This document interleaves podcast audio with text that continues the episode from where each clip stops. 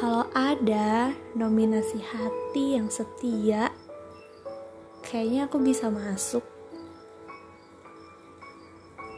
Tapi setahu aku, orang-orang yang dinobatkan menjadi pemenang nominasi itu juga ada jangka waktunya.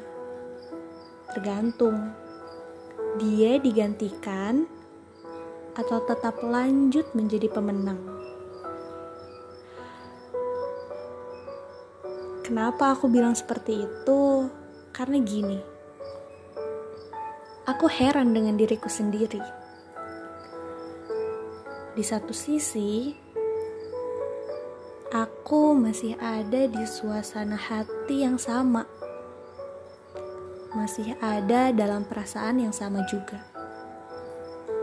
Tapi di sisi lain, aku tahu suatu saat posisi ini juga akan digantikan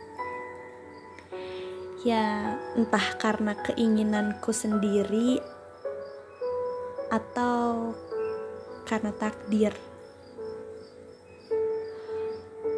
Sebenarnya bisa aja aku melepaskan perasaan ini.